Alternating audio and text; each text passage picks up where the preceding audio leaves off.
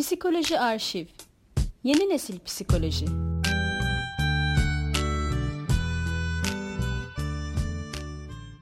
Olağan Psikopatlar Kitap İncelemesi Yazan Ceren Ceylan Seslendiren Ceren Ceylan Herkese selamlar.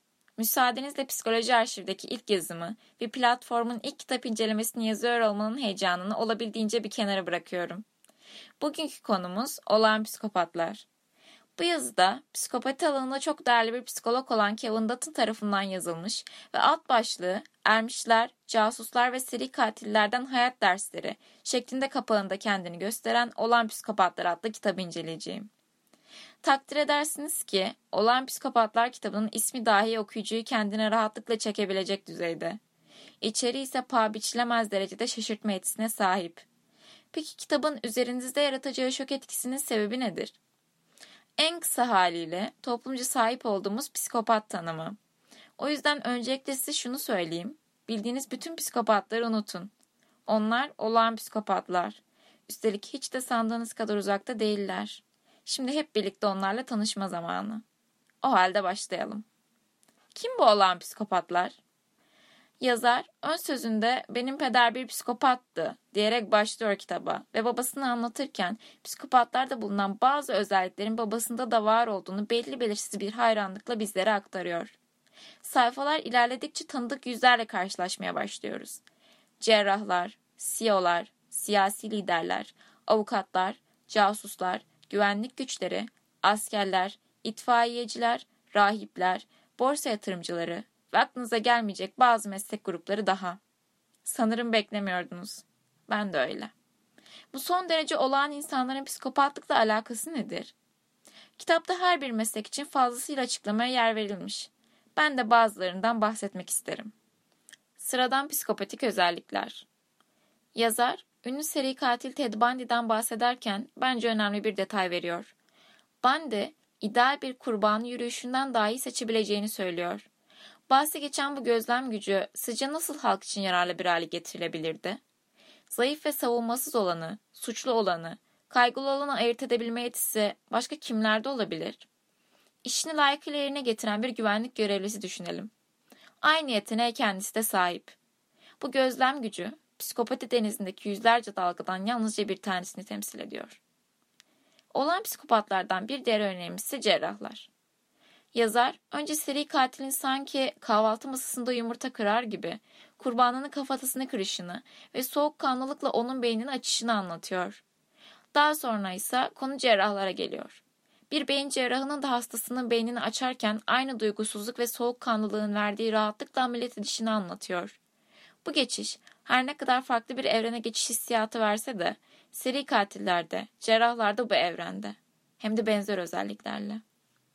O zaman seri katille cerrah arasında ne fark kaldı? Cerrahlar kendilerini kontrol etme becerisini en üst seviyede tutarak dürtülerini kontrol altına alabiliyorlar.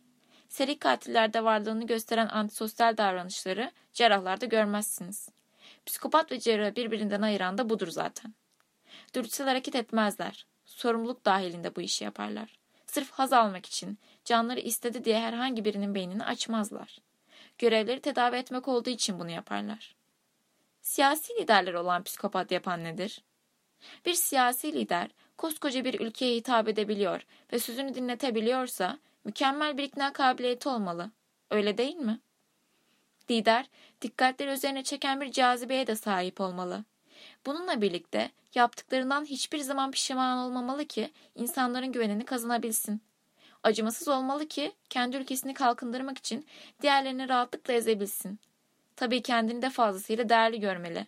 Çünkü insanların sana değer vermesini istiyorsan önce sen kendini değerli görmelisin. Dikkat ederseniz şimdiye kadar saydığım özelliklerin tamamı pek çok seri katilde de mevcut. İkna kabiliyeti, kendine hayranlık, dikkat çekebilmek, soğukkanlı ve rasyonelize edilmiş acımasızlık. Bir siyasi liderin bu özellikleri taşıması veya taşıma potansiyeline sahip olması onu olan psikopat haline getiriyor. Örneklerden de anlayacağınız üzere psikopatlar yalnızca kabarık sabıka dosyalarıyla hapishanelerde kendine yer bulan suçlular değil.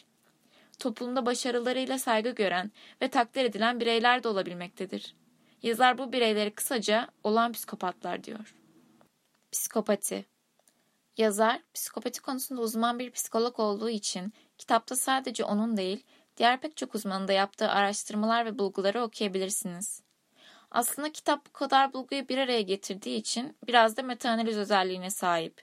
Çünkü Olan Psikopatlar kitabıyla pek çok araştırma bulgusunu karşılaştırabilirsiniz. Genel olarak bir tanım sunmak istiyorum. Psikopatik özellikler nelerdir sorusunun cevabını olan psikopatlar ışığında verelim. Makyavelist düşünce, pragmatik düşünce, soğukkanlılık, korkusuzluk, düşük kaygı düzeyi, pişmanlık duymama, kibir, acımasızlık, bilişsel sağlamlık, üst düzey ikna kabiliyeti, hatırı sayılır derece laf cambazlığı, yönlendiricilik, kendini fazlasıyla değerli görme, risk alma eğilimi, heyecan peşinde olma, dürtüsellik, üst düzey odaklanma yetisi, anda kalma eğilimi, dikkat çekici bir cazibe, etkileyici bir fiziksel görünüm ve eklenebilecek diğer önemli özellikler. Yani psikopatlar sandığımızdan çok daha fazlası. Şunu belirtmek isterim ki, işlevselliğini koruyan ve yeterince başarılı gördüğümüz bu olağan psikopatlar, tüm insanlık için daha kaliteli bir yaşamın kilidini açacak bazı anahtar özellikleri de sahip. Yazar, bilgileri ışığında bize hayatın zorluklarına karşı çok daha sağlam durmamız için psikopatlardan öğrendiği en önemli becerileri sıralıyor. Bu becerilere de 7 ölümcül anahtar adını veriyor. Karşınızda hayata bakışınızı değiştirebilecek 7 ölümcül anahtar. Acımasızlık, cazibe, odaklanma, zihinsel sağlamlık, korkusuzluk, farkındalık ve eylem. Yazara göre psikopatların genellikle sergilediği bu özelliklere sahip olmak, kişinin hayatın zorluklarına dayanma ve onlarla baş etme gücünü arttırabiliyor. Birazdan nörobilim ve psikopati. Bu kısım fazla terimsel olduğu için bana çok dikkat çekici gelen bir bulguya yer verip kapatacağım. Okumaya devam.